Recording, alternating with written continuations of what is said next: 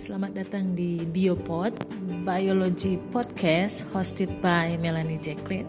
Selama beberapa menit ke depan, saya akan nemenin kamu yang lagi di jalan, lagi di kamar, di tempat kerja, di mana pun kamu berada yang bisa dengerin podcast ini. Nah, saya akan sharing informasi yang tentu saja berkaitan dengan biologi. Kenapa biologi? Ya, karena latar belakang keilmuan saya adalah biologi. Mudah-mudahan informasi yang saya bagikan bermanfaat buat kamu, kamu, dan kamu. nah, di episode pertama Biopod, saya akan bagikan informasi tentang hemofili. Kenapa hemofili? Nah, berkaitan dengan tanggal 17 April nanti adalah hari hemofili sedunia. Saya ngerekam ini di tanggal 15 April 2021, dua hari sebelum Hari Hemofili Sedunia. Nah, apa dan bagaimana sih hemofili ini? Yuk kita simak informasi berikut ini.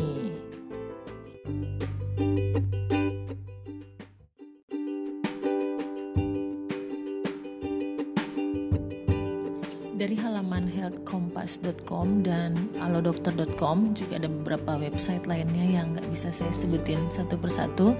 Nah, hemofili ini telah ditemukan sejak lama.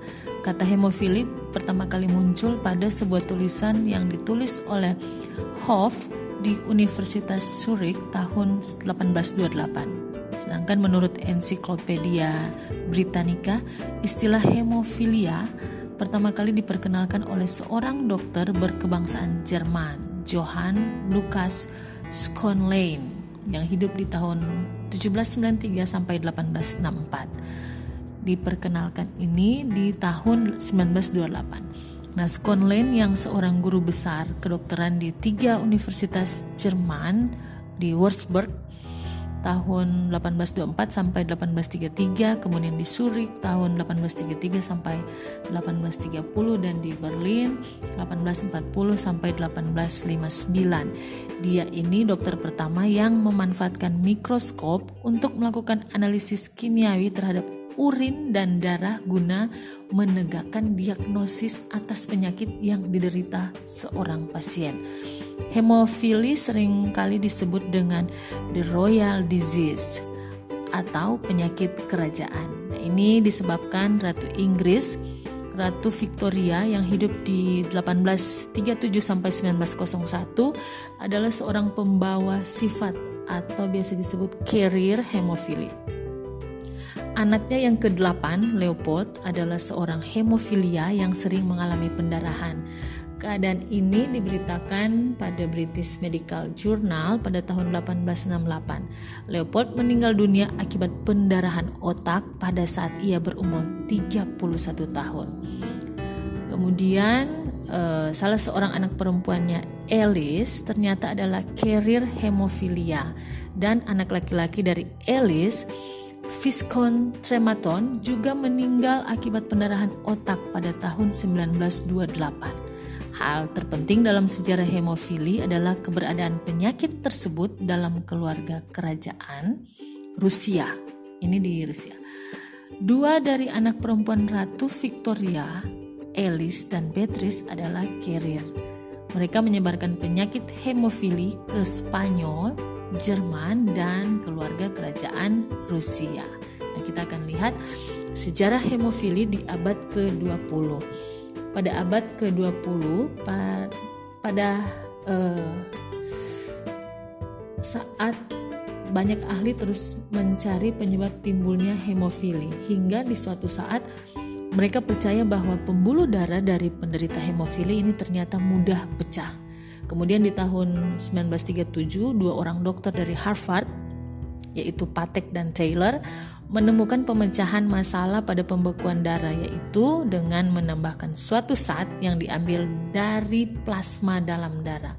Zat tersebut disebut dengan anti-hemophilic globulin. Kemudian di tahun 1944, Pavlovsky, ini seorang dokter dari Buenos Aires, Argentina, membuat satu uji coba laboratorium yang hasilnya memperlihatkan bahwa darah dari seorang penderita hemofili dapat mengatasi masalah pembekuan darah pada penderita hemofili lainnya dan sebaliknya. ia secara kebetulan telah menemukan dua jenis penderita hemofili dengan masing-masing kekurangan zat protein yang berbeda, yaitu faktor 8 dan faktor 9. Kemudian di tahun 1952 menjadikan hemofili A dan hemofili B sebagai dua jenis penyakit yang berbeda.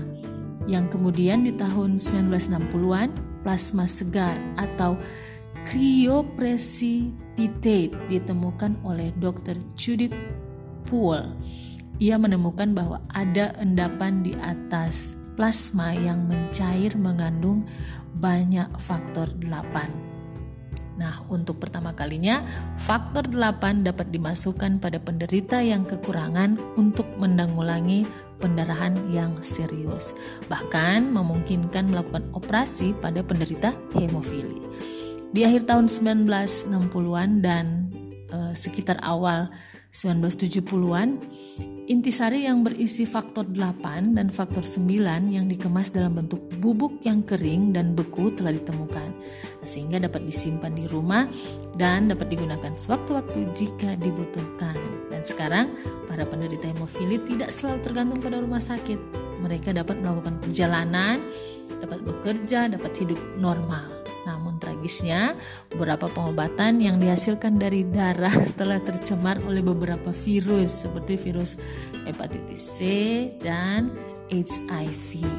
Sehingga eh, karena tercemarnya eh, darah dari yang dihasilkan dari hasil beberapa pengobatan makanya banyak penderita hemofili yang kemudian terkena dampaknya dari hasil transfusi darah karena yang ditransfusi adalah darah yang telah tercemar oleh eh, virus-virus seperti hepatitis C dan HIV.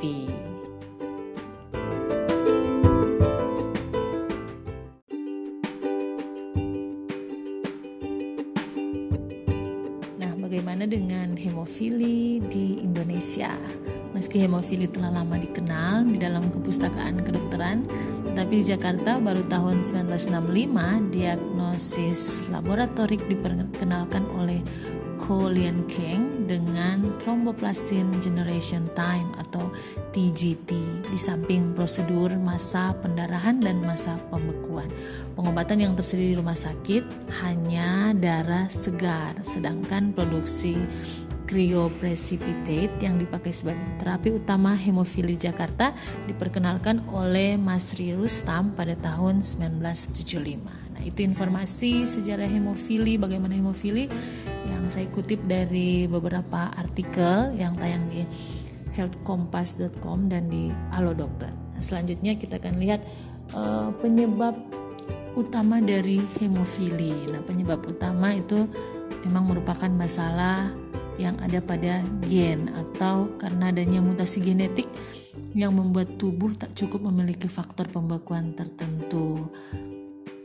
Untayan DNA atau sebutan lainnya adalah kromosom merupakan satu rangkaian instruksi lengkap yang mengendalikan produksi berbagai faktor. Nah, peran kromosom dalam tubuh ini bukan cuma menentukan jenis kelamin pada bayi saja, tapi kromosom juga berperan dalam mengatur kinerja sel-sel tubuh. Setiap manusia itu punya sepasang kromosom seks. Untuk eh, wanita XX sedangkan untuk pria itu XY. Nah, hal yang perlu ditegaskan Hemofili merupakan penyakit keturunan yang diwarisi lewat mutasi terjadi pada kromosom X. Oleh sebab itu, pria cenderung menjadi pengidap hemofili sementara wanita menjadi pewaris atau pembawa mutasi gen tersebut. Nah, hemofili itu ada e, tiga tipe, hemofili A, B, dan C. Hemofili A itu e, biasa disebut dengan hemofili klasik atau disebabkan bukan dari faktor genetik. Nah, gangguan tipe ini terjadi saat tubuh kekurangan faktor pembekuan darah 8. Hal ini umumnya berhubungan dengan kehamilan, kanker, penggunaan obat-obatan tertentu, dan penyakit seperti lupus. Tipe hemofili A ini termasuk langka dan berbahaya jika terjadi. Kemudian yang kedua adalah hemofili tipe B. Ini disebabkan karena tubuh kekurangan faktor pembeku darah 9. Umumnya gangguan ini diturunkan oleh sang ibu, tapi juga dapat terjadi disebabkan oleh perubahan atau mutasi pada gen sebelum bayi tersebut dilahirkan. Seorang bayi perempuan lebih beresiko mengalami hemofili jenis ini, hemofili B dibandingkan dengan bayi laki-laki. Nah, sedangkan tipe hemofili yang terakhir adalah tipe hemofili C Gangguan jenis ini terbilang lebih jarang dibandingkan tipe A dan B. Kelainan ini disebabkan oleh tubuh yang kekurangan faktor pembeku darah 11. Selain itu, seorang yang mengidap kelainan ini akan sulit didiagnosis karena aliran darah yang sangat ringan meskipun berlangsung lama, sehingga uh, sulit untuk diketahui.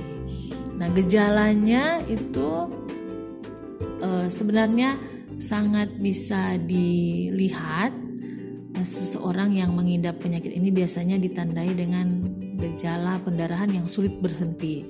Di samping itu, eh, gejala hemofili juga ditandai dengan kulit mudah memar, pendarahan di area sekitar sendi, kesemutan, atau rasa nyeri ringan pada siku, lutut, dan pergelangan kaki.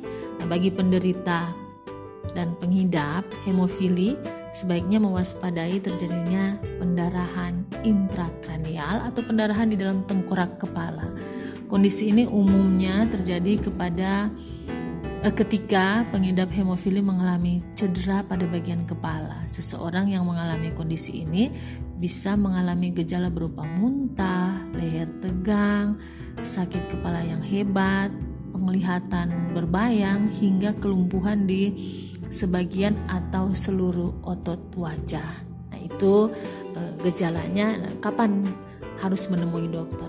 Kapan e, sebaiknya kita yang belum tahu kita ini hemofili atau tidak untuk segera menemui dokter ya. Tadi jika kamu memiliki gejala-gejala seperti tadi memar yang dalam di bagian siku, pendarahan yang berlebihan, gusi berdarah, sering mimisan, persendian terasa kencang. Nah, itu eh, gejala-gejala uh, awal yang harus segera diwaspadai. Dan kalau bisa langsung memeriksakan diri ke dokter. Nah, jika Anda terdiagnosis menderita hemofili sebelumnya, akan lebih baik jika rutin mengunjungi dokter atau memantau kondisi untuk uh, mencegah terjadinya komplikasi. Hemofili ini dapat didiagnosis melalui tes darah dokter itu akan mengeluarkan sedikit sampel darah dari vena Anda dan mengukur jumlah faktor pembekuan yang ada. Nah, sampel ini nanti dinilai, kemudian eh, ditentukan tingkat keparahan defisiensi faktor. Biasanya eh, kalau hemofili ringan ditunjukkan oleh faktor pembekuan dalam plasma yang berkisar 5 sampai 40%. Hemofili sedang diindikasikan oleh faktor pembekuan dalam plasma antara 1 sampai 5%, sedangkan hemofili berat ditunjukkan dengan faktor pembekuan dalam plasma kurang dari 1%. Nah, itu dia eh, gejala dan eh, hasil kalau misalnya memeriksakan diri ke dokter sampelnya yang dinilai seperti apa itu informasi yang bisa saya bagikan dan yang terpenting ini untuk uh, pengobatan yang terpenting adalah dukungan keluarga dan orang terdekat bagi penderita penyakit hemofili. Nah, kita itu sebagai keluarga atau orang terdekat bisa membantu memberikan pertolongan pertama bila terjadi pendarahan sewaktu-waktu. Untuk pendarahan pada bagian tungkai misalnya, nah, ada dari artikel uh, di internet saya sih dapat rumus RICE R I C E R I C E sebagai pertolongan pertama yang bisa kita lakukan untuk membantu keluarga kita atau orang terdekat kita yang eh, menderita hemofili. Yang pertama itu rest. Istirahatkan kaki dengan menumpangkannya di atas benda empuk seperti bantal. Kemudian uh, ice, kompres bagian yang mengalami pendarahan dengan es. Compression, tekan menggunakan kain dan bebat untuk mengurangi pendarahan. Yang terakhir adalah elevation, posisikan kaki lebih tinggi dari dada. Nah, di Indonesia itu terdapat komunitas orang dengan hemofili sebagai wadah berbagai informasi dan bantuan.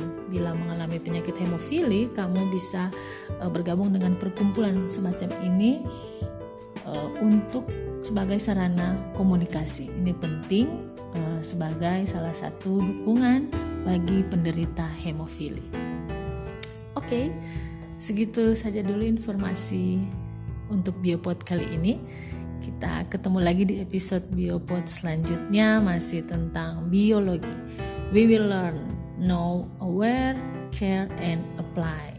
So I'm Melanie Jacqueline signing off. God bless you and bye bye.